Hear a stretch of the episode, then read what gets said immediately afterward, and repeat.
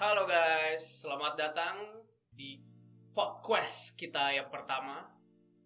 Uh, di sini kita, uh, kita gua gua bakal ngejelasin dulu di sini kita ada tiga orang. Uh, gua Norman. Gua Jason. Saya Daniel. Nah, di sini kita adalah uh, pekerja industri kreatif. Dan podcast ini uh, tujuannya itu adalah cuma seperti ngobrol-ngobrol uh, tentang bahasan tentang industri-industri yang yang pernah kita rasain sendiri atau yang, yang sudah pernah kita alamin. Nah, di sini Daniel silakan. Oke, jadi topik hari ini adalah kita kayak mau ngebahas mitos-mitos dunia kreatif kan, tahu nggak kira-kira? Oh, gue, ya, iya sih, gue, gue, gue juga kayak, iya iya gue tahu. Iya kan gue banyak yang bahkan gue nggak hampir nggak ada temen yang di industri yang sama kayak gue gitu temen-temen gue semua kayak anak bisnis terus kayak ada ada yang masih SMA sepupu sepupu gue Hmm. jadi kayak banyak mereka kayak datang ke gue tiba-tiba kayak eh seorang artis atau pekerja kreatif tuh seperti ini ya terus gue bisa ketawa gitu karena itu sangat bodoh di di, di kuping gue tapi sebenarnya itu banyak orang yang mikir seperti. Oh, jadi kayak pertanyaan-pertanyaan yang ya? Istilahnya di, untuk di kita itu kayak kesannya itu uh, bukan sesuatu yang uh, apa ya? Ya, kayak menurut mereka itu sangat asing gitu. kita Ah. kayak, kita kalau ngomong uh, dalam topik ini kayak berasa mau bahasa asing ke mereka gitu kadang-kadang berasanya kayak gitu aja walau mungkin sebenarnya lebih mudah dari itu Secara alaminya mereka pasti bakal ngerasa atau mikir kayak oh nyata gambar-gambar itu kayak gini ya. iya Padahal sebenarnya kayak Kayak, oh cuman gambar ya kalau sebenarnya emang cuma gambar sih cuma ada banyak yang lainnya yang kita bisa lihat kita integrasi dalam Hmm. oke oke kita mulai aja yang pertama ya Oke. ini gue paling sering dengar ya ini bukan dari teman-teman gue cuman mungkin ini ini lebih ke yang dari orang-orang lain yang pernah gambar atau misalnya waktu itu kayak gue gue kan waktu itu masuk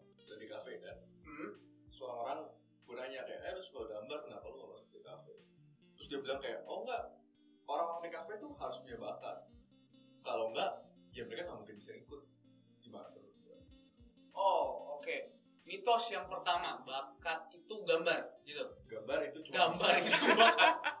gambar itu cuma bisa dari bakat iya. Oke. Oh, eh, Jason gimana? Menurut pendapat lo gimana? gua gimana ya? Dari kecil dulu tuh pas gua kecil ya, gua emang dari dulu suka gambar dan beberapa orang emang suka bilang kayak oh lu berbakat ya, lu berbakat ini ya gitu. Tapi seiring berjalannya lu makin tua, makin sadar gitu sekitar lu ada orang yang bener-bener apa ya? Kayak dari umur kayak ngebandingin lu dari dari umur segitu dan ngebandingin dia di umur segitu, dia tuh jauh jauh lebih jago daripada lu dan Iya. pada saat itu lu mulai ngerasa kayak aduh gua apa bakatnya gitu Iya. kan lu kalau bisa pas SMA gitu termasuk orang yang jago gambar jago atau enggak mungkin sekarang kayak udah lumayan relatif dari temen-temen lu sekelas gitu Eh, kalau dari teman sekelas iya kelas gua tuh isinya cuman kayak ada dua atau tiga doang yang gambar termasuk gua kan. Oh. Tapi karena dulu apa ya ya gua gambar asik-asik aja gua seneng dengan hasil gambar gua dan emang kalau dari mayoritas gua ngerasa gua jago gitu kan. Iya. Tapi beberapa apa beberapa tahun kemudian gue ngeliat ke belakang dua teman gue yang lain ini nyata lebih jago dari gue saat gue ngira gue jago gitu. Oh, oke oke. Jadi ya makin lama gue ngerasa oh gue nggak berbakat gitu kan dan tapi gue sekarang pada akhirnya bisa masuk ke dalam apa level industri profesional. Selagi teman-teman gue itu enggak. Bedanya ya karena apa ya gue lebih banyak latihan. Gue kan lebih banyak apa mau mengasah skill gambar gue secara intensif. Selagi mereka tuh mungkin nggak berniat untuk masuk ke dalam industri kreatif atau emang udah lama ngegambar aja gitu kan. Jadi menurut gue ya lu mau masuk ke dalam industri ini bakat itu bukan sesuatu yang perlu. Itu bermanfaat tapi nggak perlu. Nah jadi emang garis bawahnya gitu sih. Semua harus ada apa namanya mileage. Ah, jam terbang. Jam terbang Jam jam terbang. terbangnya. Oke oke. ya biasa. Ah. Kalau gue misalkan gue ada kasus gini nih, gue punya teman nih yang dia ini eh, bisa dibilang dia ini suka gambar. Tapi setelah dia yang mas siapa itu? eh ikut gue kenal nggak Oh, enggak. Tapi setelah, setelah dia, dia latihan gambar, sekolah gambar gitu kan, ternyata dalam satu tahun itu dia dia ber, bersung, apa dia latihan sungguh-sungguh, hasilnya tuh kayak hampir nggak kelihatan gitu, kayak nggak ada perkembangan sama sekali di gambarnya dia. Kayak gambarnya ya kalau dibandingin eh, kayak orang yang baru belajar gambar sama sekali tuh kayak kenapa kesannya iya nggak ada perubahan gitu loh.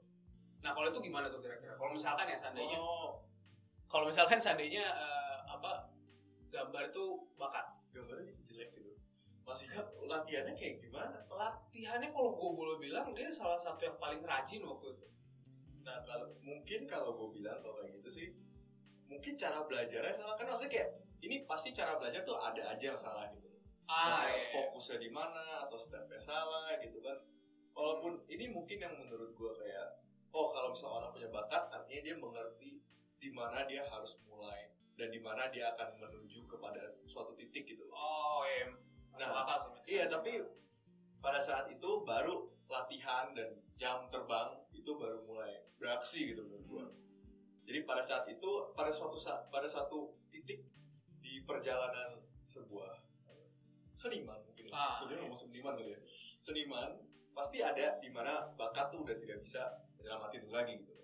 oh Dan ini di mana ngerti sih kayak iya ya berarti kayak kayak ada ada ada batasnya sampai bak- bakat tuh bakal membawa lu tuh sejauh mana gitu tapi Iya. setelah itu itu lebih ke mileage iya, tentu kalau misalnya lu udah berbakat terus lu rajin ya itu udah Wow. Iya, setuju.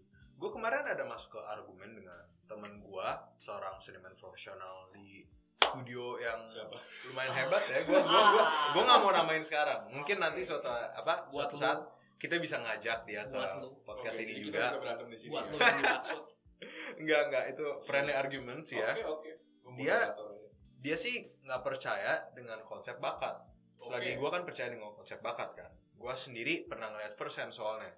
Nah ini konklusinya yang pasti itu kita nggak ada yang menang nggak ada yang kalah lah ya. Hmm. tapi apa ya eh gua kalau kalau dia tuh argumennya soalnya dia sendiri tuh ngerasa kayak dia tuh datang dari background gambar yang lumayan payah gitu kan menurut dia sendiri. Iya.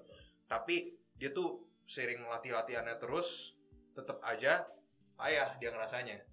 Dia ngerasa apa ya? dia ngerasa payah gitu kan. Sampai suatu hari dia kayak ngelihat oh nyata cara belajar yang bener tuh kayak gini gitu. Nah, terus dia makin niat terus dia makin ngeluarin apa effort gitu kan untuk latihan-latihan seintens mungkin gitu. Dia bilang sampai ngorbanin makan lah sampai ngorbanin hidup Bisa. sosial. Eh, dia juga udah bilang sih itu dia nggak saranin ke orang lain kan. Ya, Tapi- kita juga tidak saranin ya. tapi dia di akhir-akhirnya ya sekarang dia punya level profesional tinggi. Ah. dan maka itu dia kayak percaya ya semuanya itu bisa dipelajari gitu kan. Kalau dari sisi gua gua bilang ya semua itu harus dipelajari. Tapi beberapa orang itu ada yang punya apa kelebihan dari awal gitu. Yang mungkin kita semua tuh ya dari dari awal belum sadar aja kecuali dikasih tahu gitu kan. Iya. Mungkin contoh yang gampang dibilang gitu ya itu uh, pengetahuan akan perspektif. Oh ya. kan uh, beberapa orang mungkin bisa bilang bakat itu nggak ada soalnya kayak oh lu tuh cuman apa kekurangan jam terbang aja mungkin dia udah gambar dari kecil. Tapi jelas-jelas ada beberapa orang yang dari kecil tuh jarang gambar tapi kalau lu suruh dia apa ya uh, ini contoh masih kecil ya gambar dengan perspektif gitu ya. Dia bisa ngerti. Dia bisa ngasih lihat perspektif yang lebih masuk akal daripada orang yang udah sering gambar tapi Hmm. belum apa aware aja. Kayak sense Oh, of iya. perspektifnya belum dibangun aja. Jadi dari itulah gue mulai ngerasa kayak oh bakat itu ada. Tapi emang bener dari kata lu pada kecuali lu latihan-latihan seniat mungkin juga dengan sengaja ngasah skill lu lu bakal bisa masuk ke dalam level profesional jadi yang gue tangkap ya, berarti bakat itu ada, tapi untuk kita mulainya itu nggak perlu bakat sebenarnya. Gitu. Iya, Yes. benar. Hmm. Oke. Karena iya kan apa itu ada ada quote terkenal yang mana Siapa, siapa? apa ya? Um, talent apa lagi tuh? Gua lupa. Pasti ada kalau Google hard work atau talent quotes gitu. Itu kuncinya guys. Pasti ada Cari aja hard work atau talent di Google Quotes, di dan Google. itu dari kami yang kasih tau. Oke, okay, uh, menurut lu gimana ini, Norman? Uh, eh, gue percaya ada bakat. Gue kalau misalnya gambar aja ya. Gue percaya, gue percaya ada bakat. Uh, tapi ya itu tadi untuk mulainya lu nggak perlu bakat. Oke, okay, jadi Norman dasar dia berbakat. Uh, gua oke okay, next. Oke oke oke. Um, jadi ya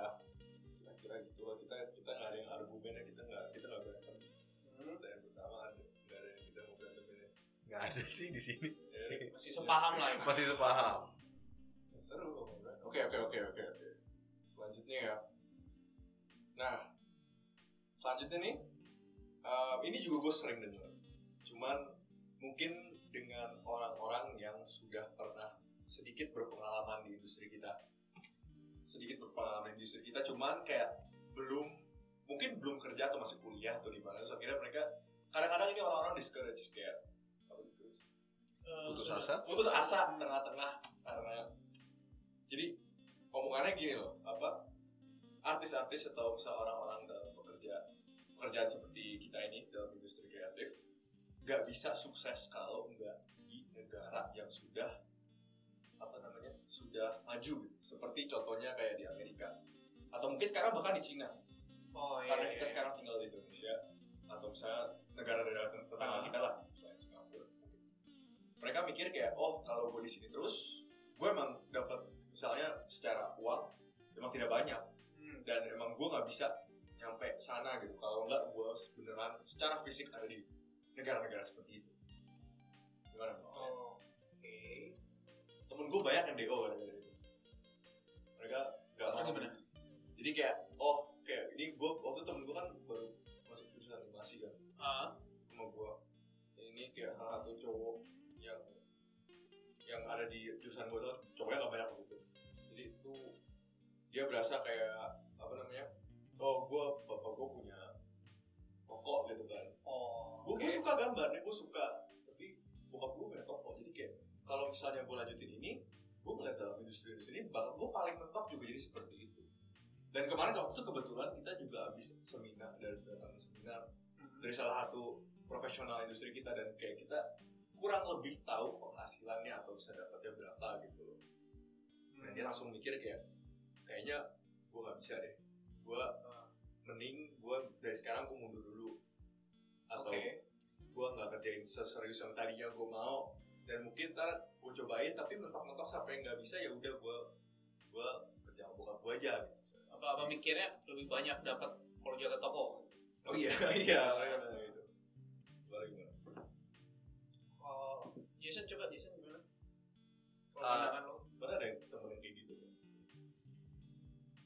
ada sih beberapa. Berapa sih. Iya beberapa beberapa pasti ada. Gua gua anggapnya kayaknya karena emang industri kita di Indonesia belum berkembang gitu kan untuk jadi seniman profesional gitu, konsep artis atau illustrator ya orang tuh ujung-ujungnya nggak ngelihat kayak ada apa ada tempat buat mereka atau ada pun sangat terbatas. Dan sangat terbatas pun itu apa ya eh, level level skill yang diperlukan untuk masuknya itu lumayan tinggi dari average-nya kan dari rata-ratanya yang masuk ke kuliah gitu.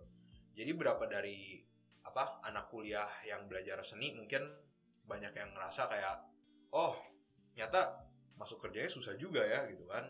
Jadi pada akhirnya mereka mulai you know uh, mikir kayaknya kalau misalnya gue ngelanjutin perusahaan orang tua gue bakal dapat lebih untung gitu nah kan iya iya sama sama kayak gue nggak ngelihat ada masa depan untuk gue di sini jadi ya untuk sekarang gue bakal coba ini aja. Mungkin art gue bisa nanti aja deh gitu. Iya sama sama. Kalau kalau temen gue nggak ada sih sebenarnya. Sepupu sepupu. Sepupu. Lu deh enggak Wah, iya. Ya, paling ya sih. cuma kalau dari pandangan gue memang masalahnya di kita kan memang nggak ada belum belum sampai sana kan apresiasi tentang hal-hal yang yang kayak yang kita lakuin sekarang itu kebanyakan orang eh, bukan orang yang ini tapi orang-orang yang yang yang lebih awam tuh kayak ngelihatnya sebagai sesuatu yang oh lu cuma gambar doang gitu loh paling berapa sih bayarannya gitu kan jadi tingkat apresiasinya di sini memang Hmm. memang kurang Iya, dan dan karena itu juga jadinya uh, fasilitasnya kurang mendukung gitu loh. Jadi kita untuk bersaing tuh agak susah kalau menurut gua. dan ini juga menurut gue sendiri udah jadi sebuah siklus ya. Jadi kayak contoh kita ada beberapa orang yang masuk ke dalam industri kreatif dan mereka tuh pengen apa ya? Ya intinya mereka pengen masuk ke dalam semua tempat ini yang ada animasi dan games dan lain-lainnya. Jadi dalam waktu bersamaan kan tempat-tempat yang apa bikin animasi dan film dan games ini dan ilustrasi juga ya jangan lupa eh, mereka mencari pekerja yang punya skill tinggi Ya. tapi itu juga di Indonesia jarang jadi itu kayak udah jadi siklus gitu loh muridnya nyari pekerjaan susah dan apa employ employer nyari pekerja juga susah gitu Iya. yang jago kan Iya, em gue kalau diajak ngomong dengan topik seperti itu, kayak sama temen gue lah yang waktu itu kan dia kita sering ketemu akhir-akhir ini juga kita masih temenan walaupun apa namanya Udah jalan beda- kita udah, udah beda lah. ya. Iya, cuma kita suka sharing-sharing dan dia masih suka gambar. Dia suka dia nggak gitu suka di situ. Pokoknya dia belum gitu dalam lah, cuma dia masih suka gambar gitu. Terus yang ketemu dia terus yang gue tahu adalah kan kita kan walaupun kita tidak ada di, di negara-negara yang quote unquote maju Iya. yang lebih tanda kutip maju gitu ya tapi I mean kalau kita bisa cari kerja secara freelance gitu yang bukan dengan contohnya nggak dengan company yang di dalam Indonesia Iya. Itu sangat memungkinkan kita bisa dapat gitu loh. Kalau misalnya kita mem memper apa namanya bukan bukan apa? Portfolio dibagusin lah. Ah, oh. apa itu namanya? Portfolio dibagusin ya maksudnya kayak kita Biasa, biasa. uh, kayak menurut gue secara geografik secara geografis geografis ya. Kita mungkin tidak menguntungkan gitu. Tapi kan kita sekarang udah punya internet kita udah punya Iya, benar. apa teknologi-teknologi yang kita bisa menjadi pada Ya. level yang sama kayak artis sana gitu Ah, benar. yang kita kurang cuman mungkin ya sekolah-sekolahnya gitu tapi ya kita bisa belajar juga sekarang dari internet seperti Mungkin ya, mungkin kayak gitu kan lebih ke lingkungannya gitu loh. Lingkungan yang mendukung gitu. iya ya Em, ya kayak ya sebelum itu yuk pada kalau misalnya ini ada ada yang lebih mungkin lebih fun pertanyaannya ya. Oke. jadi ini jujur gue cari dapat yang, yang yang ini nih gue cari dari internet ya. Kayak gue gue lihat kayak mitos-mitos apa yang orang-orang persepsi orang lain Ah, kepada kita yang suka gambar. Kita suka gambar yang dapat duitnya dari gambar lah. Iya. Eh, salah satunya yang gue kemarin cukup eh, ketawa-tawa baca itu adalah em, artis em, artis are loners kita kita grup orang yang suka menyendiri kita ya kalau gue baca sini kayak bayangannya kayak kita tipe-tipe orang yang introvert Introvert. nggak pernah keluar rumah gitu nggak punya temen. Ya ada temen ada temen dikit lah. Itu gitu lah gitu. Kalau dari gua sih ya gimana ya? Kalau masalah artis introvert balik lagi ke pribadi orang-orang ya gitu. Ada juga kayaknya yang yang artis yang kayaknya nggak nggak introvert kayaknya ada juga sih menurut gue secara general gitu. Kalau lu gimana? kalau gue ya mungkin agak malas sih kalau keluar keluar memang. Lebih lebih senang sendiri sih memang. Entah entah kenapa tapi memang kayak ada ada sesuatu kayak misalkan rasa fokus gitu loh. Kalau misalkan lu, lu ngerjain sesuatu sendirian gitu kan. Lu kalau misalnya nggak ada yang gangguin gitu shobi shobi shobi jadi kayak lebih ya lebih fokus aja gitu. Aja di restoran sekarang. Em, jadi tapi lu lu kalau misalnya keluar-keluar gitu ngobrol sama temen itu gak ada masalah kan? Oh enggak enggak kalau gue keluar keluar nggak ada masalah. Enggak eh, gue gue kalau gue sih santai aja. Kalau misalkan eh, diajakin keluar ayo gitu. Eh, sosialisasi ayo Ya, ketemu orang-orang. lu bohong ya. Ah, enggak enggak gue mau bohong. Cuma tadi ada beberapa part yang di awal-awal yang bisa eh, dihapus nggak kira-kira? Enggak, Norman tuh. Maaf Norman tuh. Enggak. belum lama di Jakarta. Enggak enggak enggak, jadi agak gagap. Enggak. ada mikrofon di sini bagus gitu. Oh. ngeliatin terus. Oke oke oke. Yes sir. Ya. Udah. Canda ya guys gua gua dulu gitu sih gua yang extremely introverted dari dulu Um, pas kecil gambar sendiri temen-temen datang ya mau lihat cuman ujung-ujungnya kalau misalnya gue setiap kali gambar pasti sendiri gitu loh gue nggak pernah bisa kayak ngajak orang kayak eh gambar bareng ya gitu Oh ya iya. Astaga. buat gue tuh nggak bisa seru Nggak gitu cocok banget gue. gue gue gitu sendiri pasti mungkin sampai sekarang juga gue jarang ngajak orang kayak eh ayo kita jadi satu meja gambar bareng Kayak gue gak pernah ngomong gitu sama Nah. gue deh. Kita gue pernah sih Kayak agak waktu itu creepy. uh, Gue kalau gue kayak gitu kayak agak creepy. Sebenarnya nggak gitu juga sih kayaknya. ya gue apa ya agak gue ngajak beberapa dari teman gue kan eh, kayak ayo kita coba kayak study bareng gitu Hmm.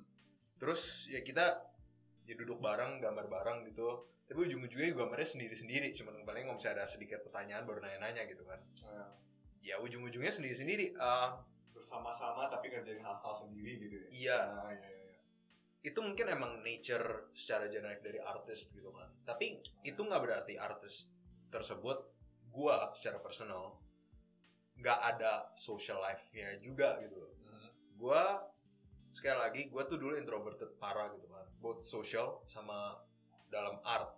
Tapi si apa pas masuk kuliah gitu gua makin ketemu banyak orang yang interestnya sama atau beda gue makin dapetin self confidence dan yang lain-lainnya gitu gue ngerasa kayak makin agak extroverted dikit dikit. Tapi ya gue gua udah nggak kayak oh gue harus sendirian terus-terusan gitu kan di kamar gelap-gelap gambar gitu kayak my soul is darkness just like my art gitu. Enggak, Oh. gue gua seneng ngobrol sama orang topik-topik beda. Gue seneng Heeh. mempelajari tentang dunia. Gue apalagi sekarang seneng kalau bisa jalan-jalan ngeliat-liat tempat-tempat yang gue dulu nggak pernah lihat jadi bocah bodoh di kamar sendiri gitu kan dan itu menurut gue ada influence lebih baik ke art gue malah Soalnya ya ya, karena lu bisa lebih explore dunia ini, ada inspirasi yang masuk bisa lu kerjain gitu ya. iya dan sebagai banyak seniman lain udah bilang gitu reference yang paling bagus itu adalah reference real life Gila tuh. Bagus banget. Bagus banget. Inspiratif. Tapi ya secara general ya gue emang agak setuju sih kayaknya apa either artist itu semu secara rata-rata introvert atau banyak introvert potensinya tinggi jadi artis Nah iya karena ada banyak waktu sendirian di kamar itu salah satu yang bisa lakukan gambar. Gitu. ya kan ngelamun imajinasi oh gue harus ngeluarin nih gitu Benar, benar, benar. Kalau nggak jadi artis ya penulis gitu kan Iya. Yang banyak banyak ngelamun gitu ya. iya iya Ini gue agak segue sedikit gue berpertanyaan buat kalian ya. Kalian pernah um, seolah kayak diolok-olok karena kalian menggambar, dibully gitu karena kalian menggambar. Ya kita tahu lah lu lu agak Ya udah. ya. Introvert. Nggak, gue kan, gue cuma mikir kan kalau misalnya kadang-kadang orang-orang mikir kita introvert gitu. Kayak, gue sendiri kayaknya nggak pernah merasakan itu. Cuman, nggak sih nggak pernah merasakan dibully karena gue gambar gitu ya. Cuman ada, ada temen-temen gue beberapa yang kayak gitu dan gue ikut ketawa-tawa sih. Cuman dulu tuh gue juga nggak gitu sering gambar. Jadi gue nggak tahu. Gue tipe orang yang kayak gak suka gambar gue dilihat gitu. Sampai sampai misalnya sampai udah jadi baru kayak gue mungkin kalau sekarang yang gue upload atau apa gitu kan selagi prosesnya gue gak suka lihat gitu kan. Dulu juga suka ngeliatin orang ketahuan gambar orang. Bukan bukan karena jelek cuman karena lagi bisa kita benar pernah kan? gue pernah kayak di film-film gitu. Ya lihat nih anak gambar terus kayak dijidotin gitu Enggak enggak sampai gitu sih ya. Gue nggak kayak eh lihat gambar terus sobek depan muka gitu, Ya, gitu kan lempar. di TV TV gitu Iya iya. Gue udah pernah dengar banyak cerita kasus gini sih, apalagi Oh, di apalagi di Amerika gitu. ya. Kayak Iya. banyak seniman lain ceritain tentang hidup masa lalunya. di sekolah lu di sekolah lu Kalau gue sendiri enggak sih, kayak bully bu bully ya, tapi levelnya nggak sampai segitu loh. Jadi gue kan sekali lagi penyendiri di ujung kelas gitu kan, gambar-gambar sendiri. Biasanya ya gue nggak enak orang liatin gitu jadi kalau misalnya ada orang yang mendadak datang secara random gue bisa kayak nutupin gambarnya gitu nah ya kecuali orangnya deket banget yang emang kayak cuman kayak tiga orang dalam kelas yang gue rela nunjukin gambar gue gitu Hmm.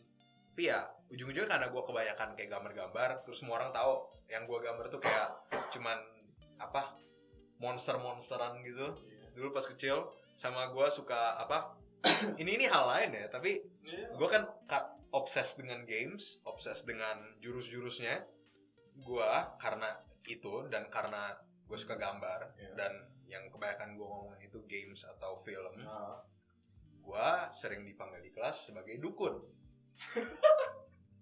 Oke, True story. Kenapa tuh? Oke, oke. Kenapa tuh lu dipanggil dukun? nah dulu tuh gue sering nanya-nanya kan dia cuma bilang aja kan ya lu ngomongnya gini-gini doang lu suka monster-monster ya lu dukun gitu doang Ya masuk akal sih. Ya itu terjadi lah tapi dulu dulu gue orangnya yang nggak bisa apa terima-terima canda-canda aja gitu kan Nah, jadi kayak di satu titik itu udah nggak bercanda lagi sih gue udah makin nyebel gitu kan dan emang ada efek ke mental gue gitu Wah. tapi ya ya, ya udah gitu ya itu berjalan terus lu dulu tuh emang jauh lebih introvert daripada sekarang gitu. Sih. lu bisa mengakui bahwa lu dulu tuh sangat aneh ya? Iya, sekarang gue cuma ketawa doang gue yang masa lalu sih sebenarnya Nah, iya. Gimana tuh? Kalau gua enggak. Kalau kalau gua, gua memang nggak ada apa ya. Gua juga baru, gua juga baru gambar juga ya setelah gua udah nggak nggak apa ya udah udah nggak zaman sekolah lagi gitu. Baru ngikut di industri jadi kayak nggak nggak ada sih. gue gue gue ini mungkin gue gak dibully ya cuman kayak ada cerita lucunya gue pas SD gue suka gambar kan. Dulu pada kalau ada yang tahu komik namanya Lu Human tau nggak komik Cina gitu? Enggak. Oh iya, iya gua tahu. Enggak, gua gua nggak tahu. Gua tahu. Iya yang ada pedang-pedang gitu. Gue eh, gue dulu kan cuma baca komik itu karena bokap gue cuma ada itu di rumah kan. Jadi gue kalau sekolah dulu SSD di eh, pelajaran-pelajaran itu suka gambar ya. Biasa biasa lah ya terus gue gambar ada dua orang berantem pakai pedang gitu kan. Terus kan tendang-tendangan gitu kayak kungfu-kungfu gitu kan. Terus guru agama Kristen gue apa kan galak itu orangnya. Ah, terus kayak gambar gue diambil gitu terus diangkat ke kertas ini nih yang dibuat oleh ini orang sampai nggak menjawab pertanyaan? Orang ketawa. Terus gue agak sedih sih. Waduh. Gue kira tuh menurut gue gambar itu udah keren banget sama sih gue udah gue pada saat itu gue udah gak mikir kayak orang orang ketawa gue cuma mikir kayak gambar ini semoga moga jangan dirobek biarin lah pada bilang ini gitu. Gue tuh bukan dibully sih. Tapi ya kayak gue nggak nggak nggak terinfluence gitu gue nggak merasa discouraged atau apa. Hmm. nggak putus asa sih. Oh. gue pada saat itu kayak rasanya malu. Besokannya pas gue gambar-gambar teman-teman gue kayak eh kamu gambar kungfu lagi. Gue gak mau bagus sih buat lu kalau misalnya nggak putus asa sayangnya ya itu ada eh, banyak insiden gitu yang bisa ngebuat orang putus nah asa iya iya gue karena kan dulu kan gue nggak anggap gambar itu serius gitu Iya. tapi gue pas saat itu gue merasa gambar itu bagus gitu tapi semua orang tahu jadi gue agak sedikit sedih juga udah.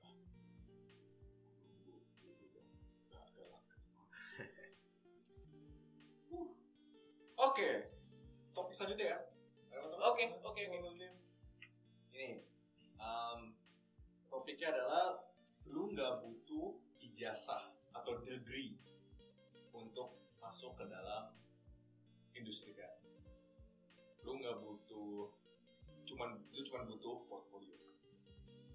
Oke, gue setuju. Karena gue sendiri nggak punya jasa gitu.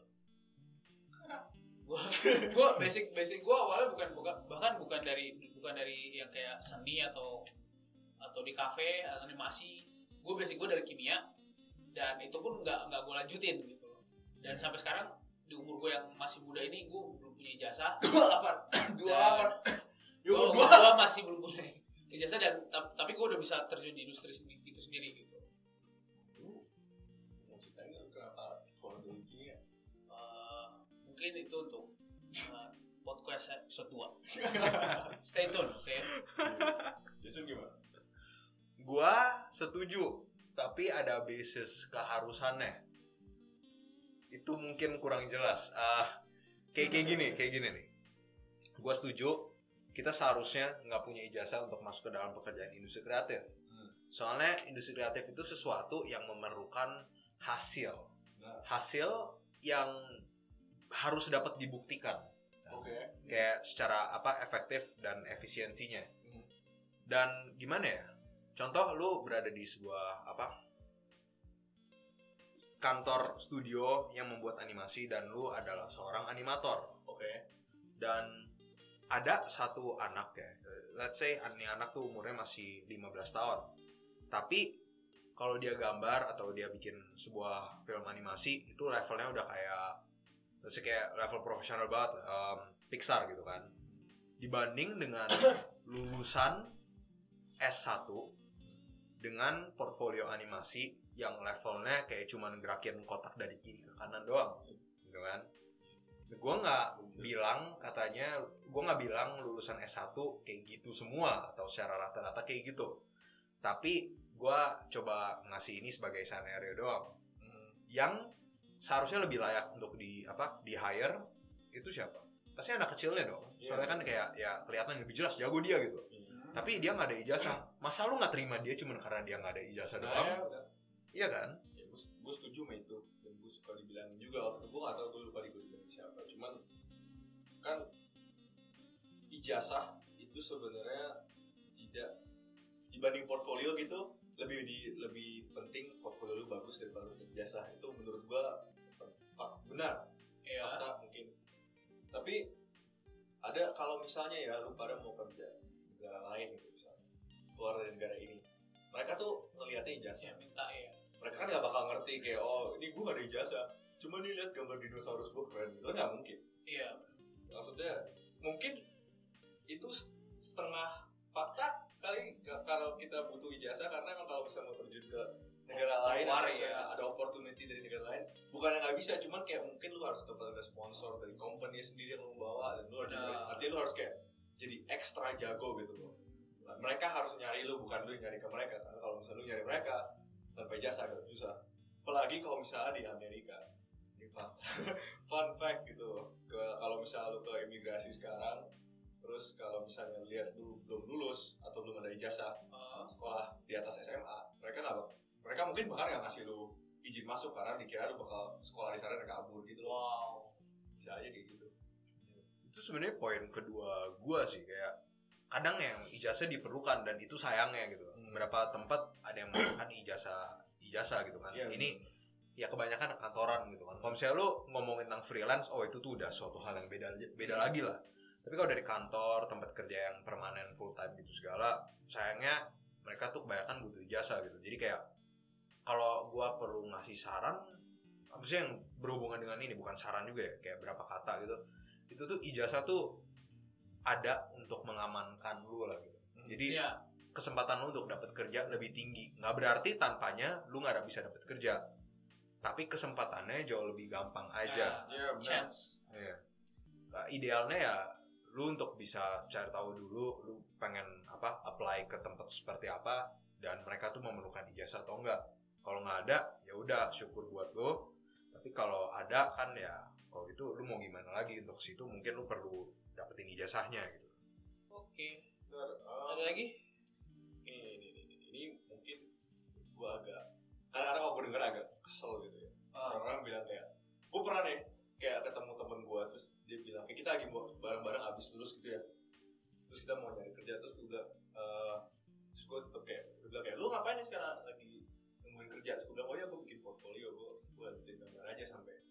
kita makin lama makin bagus gue sampai belajar terus dia bilang- dia kayak oh iya emang enak ya lu dapat apa yang lu suka gitu. Hidup lu kayak gampang gitu. Lu lu gambar dong eh lu dapet duit gitu. Intinya kayak oh your life is easy gitu. Lu, lu tinggal gambar yang lu suka gitu terus lu bisa dapet duit. Kalau gua gua harus hitung hitung di kerja akuntansi atau apa gitu. Dan Oh, jadi kayak kesannya ya gitu. kesannya kesannya lebih mudah. Gitu. wah, gambar tuh lebih mudah daripada pekerjaan-pekerjaan lainnya gitu. iya iya. Coba, coba Jason, coba. gue lagi melulu ya udahlah gue emang tertarik sama pertanyaan juga sih. Nah eh, satu ya. Itu tuh oke gue nggak mau mulai dari poin itu deh. Let's say let's say deh gambar lah ya. Gambar itu tuh kalau misalnya lu udah masuk ke dalam dunia profesional banyak banget yang di-demand dari lu kemampuan untuk gambar anatomi yang benar, kemampuan untuk mengerti perspektif dan fundamental lain-lainnya seperti komposisi, cara pemakaian warna. Kalau lu gambarnya jelek intinya, ya lu nggak mungkin dapat kerja. gitu. Apalagi untuk naik pangkat dalam pekerjaan tersebut. Lu itu tuh sesuatu yang lu harus apa? Kayak tetap mengasah skill lu biar lu bisa tetap dapetin gaji yang makin lama makin naik dalam pekerjaan gambar tersebut gitu kan kalau misalnya pekerjaan seperti apa ya di industri yang mungkin bukan industri kreatif gitu kan kayak akuntansi gitu ya itu pekerjaan lumayan penting. Gue harus akui itu kan. Iya. ada akuntansi ya mungkin perusahaannya nggak jalan dan lain-lainnya gitu. Tapi apa ya seorang akuntan tuh dia nggak kayak skillnya tuh kan fix gitu. It's a fixed skill. Dan lu di mana pun naikin skill akuntansi ya sama aja gitu loh. Bakal tetap sama. Orang pakai kalkulator orang pakai table itu tergantung kepintaran lu atau enggak gitu kan naik nah apa eh, lu jago di akuntansi atau enggak gitu. Di mana ya kalau itu tuh naik pangkatnya hanya berdasarkan satu hal tertentu yaitu tanggung jawab. Lu makin bisa ngambil banyak tanggung jawab lu naik pangkat gitu. Selagi apa itu juga apply di dunia seni kan. Ada kayak posisi manager posisi art director makin lama makin besar tanggung jawab lu ya apa eh, uang lu makin naik posisi lu di perusahaan makin tinggi. Tapi ya skill lu harus tetap jago gitu. Kalau misalnya gambar lu sendiri payah nggak bakal ada yang percaya lu. Kan? itulah apa menurut gua tuh pressure dan sesuatu yang harusnya nggak nggak dilewatin ya. Pressure jadi se- seorang apa seniman gitu. Lu masuk pekerjaannya susah soalnya industrinya sangat terbatas selagi ladang industri untuk pekerjaan hal-hal lain kayak apa jadi general manager jadi accounting gitu segala lebih banyak ya kita tuh jauh lebih terbatas apalagi di negara kita ini yang sangat-sangat masih berkembang industrinya. Terus ya kita harus tetap mengasah terus-terusan di waktu luang kita sendiri kalau bisa. Kalau misalnya contoh pekerjaan kita lagi nggak memberikan kita kesempatan untuk tetap improve skill kita ya takutnya kita bakal mati gitu. Iya. Nah, itulah menurut gua susahnya di situ. Jadi nggak bisa dianggap gampang juga gitu sebagai seorang seniman. Setuju sih. Um, sama yang ngomong tadi, gue kayak kalau pas gue ngomong gitu sama temen gue, gue gak berasa kayak oh kerjaan dia tuh gak penting atau apa apa. Emang pasti penting dan gue emang bener emang gue suka kerjaan gue dan emang itu apa yang gue bisa kerjain gitu loh. Kayak gue kerja kerjaan dia gue malah gue gak bakal bisa gitu.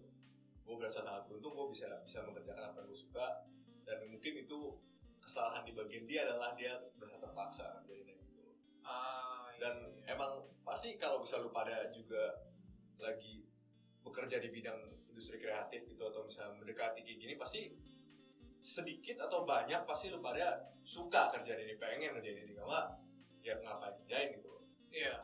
Kecuali kan nggak mungkin kayak lu dipaksa buat gambar sama orang tua lu atau gimana gitu kan ya. Iya. Cuman em, ya emang semua kerjaan tuh ada role-nya ada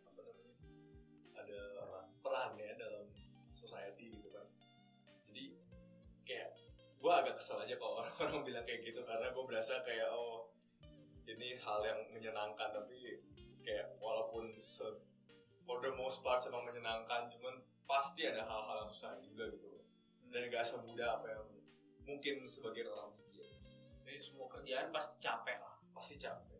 Apa pun itu meskipun lu seneng atau enggak pasti capek. Gue kayaknya punya perbandingan yang lumayan ekstrim tapi agak jelas ya. Di apa? Ini ini juga suatu bagian pekerjaan seni.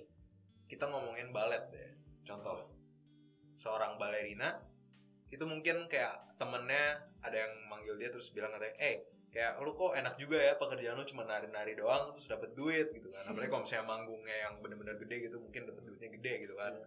Tapi ya mungkin dia nggak sadar gitu balerina ini dia dari kecil harus melatih skillnya gerakannya harus perfect semua setiap kali gitu kan. Dia harus ngerusakin badannya nggak boleh gendut kan harus selalu kurus badannya selalu harus fleksibel gitu. Kayak Black Swan gitu.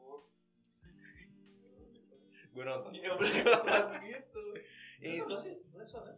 Black Swan film ini Black Swan gitu loh. Maintenance untuk jadi seorang balerina itu yang nggak mudah gitu. Hmm. dan mungkin sama juga seperti aktor lah ya. Ya, iya dia dapat apa uang yang banyak gitu. Tapi kan pekerjaannya juga termasuk oh performanya harus optimal. ya mengikuti diet yang spesifik. Kalau ternyata delivery kayak apa delivery linesnya jelek mungkin dia bisa dihina oleh satu industri gitu. Jadi satu negara udah mulai kayak ngetawa-ngetawain dia sebagai aktor yang payah terus dia pada akhirnya nggak mungkin ada kesempatan dapat kerjaan bagus lagi gitu kan. Ini tuh setiap pekerjaan yang ada risk-risknya sendiri. Ada gitu. pressure-nya sendiri semua pasti ada pressure gitu. dan mungkin gak selalu sama. Jadi kayak memang mungkin kalau buat dibandingin agak jauh gitu. Iya. Agak susah. Gimana? Ya gue juga sama sih. Gue setuju sih. kalau dibilang itu kalau itu dibilang apa gampang ya nggak gampang juga gitu. Karena proses dari kita bisa ngerjain itu dalam dalam rentang waktu yang disediain misalkan lu suruh gambar sesuatu dalam waktu ya 8 jam atau dalam waktu 4 jam itu kan prosesnya kan kita untuk belajarnya untuk sampai situ kan makan waktunya bertahun-tahun iya untuk Makanya- mencapai untuk mencapai kecepatan dan efisiensi itu ya Iya, makanya kalau dibilang gampang ya nggak gampang juga sebenarnya. Kalau itu itu sih dari gua deh. Oke, eh, ini sampai sini dulu aja podcast kita. Eh, dan ikutin terus kita Quest Academy di IG kita. at Quest Start Academy Ah, Oke, terima kasih. ada di link bawah Ada Ada di link di link. bawah ini. Ah, ada. Amin kita ada link di bawah Oke, sini ada kalau link ada link di bawah klik aja link di bawah Klik aja link di bawah ini. Oke, yuk thank you guys. Dan ingat, your journey starts here.